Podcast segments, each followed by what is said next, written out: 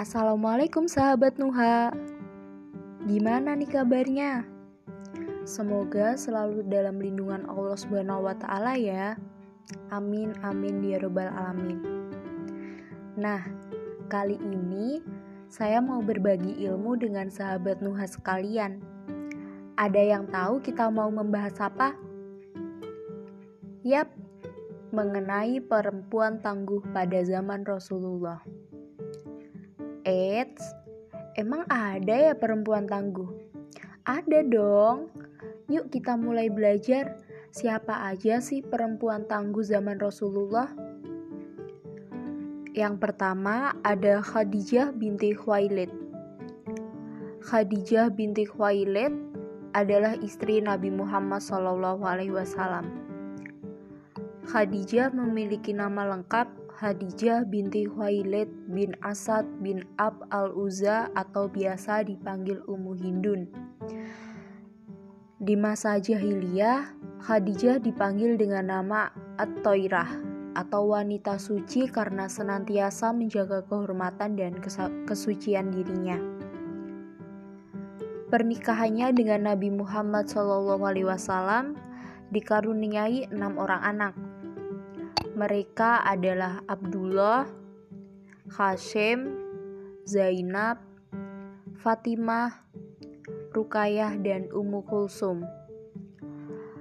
Khadijah juga orang pertama yang beriman kepada Allah SWT dan Rasulnya, serta membenarkan risalahnya. Bahkan ia penuh kerelaan ikut berpartisipasi dalam memikul beban dakwah Nabi Muhammad SAW. Sebelum menjadi istri Nabi Muhammad, Khadijah merupakan seorang wanita terpandang dan memiliki kekayaan melimpah.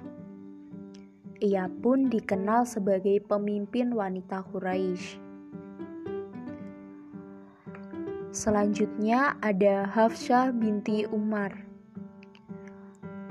Hafsyah binti Umar atau bernama lengkap Hafsyah binti Umar bin Khattab bin Naf'al bin Abdul Uzza bin Ria bin Abdullah bin Hurt bin Roja bin Adi bin Lu'ay yang berasal dari suku Arab Adawiyah.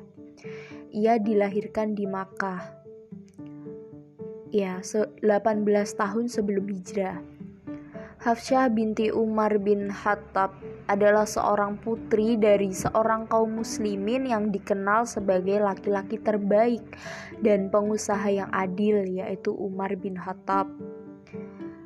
Dalam kisah perjalanan hidup seorang Hafsyah, dengan kemampuannya yang bisa membaca maupun menulis, ia melestarikan tulisan asli Al-Quran yang terkumpul dalam bentuk suhuf atau lembaran-lembaran pelepah kurma. Tak hanya itu, Putri Umar juga diberi tugas mulia untuk menyimpan dan memelihara Al-Quran. Inilah mengapa Hafsyah diberi gelar sebagai penjaga Al-Quran. Yang ketiga ada Asia. Asia merupakan seorang perempuan yang dikenal dengan kesabarannya serta ketabahannya dalam menghadapi yang kejam, yaitu Fir'aun. Ia memiliki nama lengkap Asyah binti Muzahim. Dari Abu Hurairah bahwa Rasulullah SAW bersabda, sesungguhnya Fir'aun mengikat istrinya dengan besi sebanyak empat ikatan pada kedua tangan dan kedua kakinya. Jika ia telah meninggalkan Asia terbelenggu, maka para malaikat menaunginya. Bahkan nama Asia disebutkan dalam Al-Quran meskipun tidak terlalu jelas. Al-Quran menyebutkan keutamaan Asia yang tercantum dalam Quran Surat Al-Qasas ayat 9 yang artinya dan berkatalah istri Fir'aun ia adalah penyejuk mata hati bagiku dan bagimu janganlah kamu membunuhnya Mudah-mudahan ia bermanfaat kepada kita atau kita ambil ia menjadi anak. Sedang mereka tidak menyadari. Asia pada masa itu memang cukup dikenal Setidaknya ia pernah menolak dua keinginan suaminya, yakni saat hendak dipinang orang yang menganggap dirinya sebagai Tuhan. Lalu yang kedua, saat Asia tidak mau membunuh anak laki-laki yang ditemukan dalam keranjang. Selanjutnya, setelah dari Asia, kita beralih ke Ummu Kulsum binti Uqbah. Ummu Kulsum binti Uqbah merupakan salah satu perempuan yang memiliki empati tinggi. Putri dari seorang pemuka Quraisy saat itu, Uqbah bin Muayyad yang dikenal dengan sosoknya yang keras dan kejam. Rasa empati yang dimiliki Ummu Kulsum membuatnya tak tahan melihat penderitaan yang dirasakan oleh umat muslim pada saat itu hingga mengambil keputusan untuk melakukan hijrah menuju Madinah dari kabilah Hatnah Hudaybiyah. Kemudian ia masuk Islam di Mekah dan telah dibayat oleh Nabi Muhammad SAW sebelum melakukan hijrah. Sayangnya, keislaman Ummu Kulsum diketahui oleh pihak keluarga. Kedua saudaranya yakni Walid dan Imarah bahkan meminta Ummu Kulsum untuk meninggalkan Islam. Permintaan itu jelas ditolak oleh Ummu Kulsum. Yang terakhir ada Nusaibah binti Ka'ab. Yang kelima ya teman-teman ini Nusaibah binti Ka'ab merupakan seorang perempuan anggota dari suku Banu Najjar di Madinah. Ia sangat terkenal karena keberaniannya di medan perang.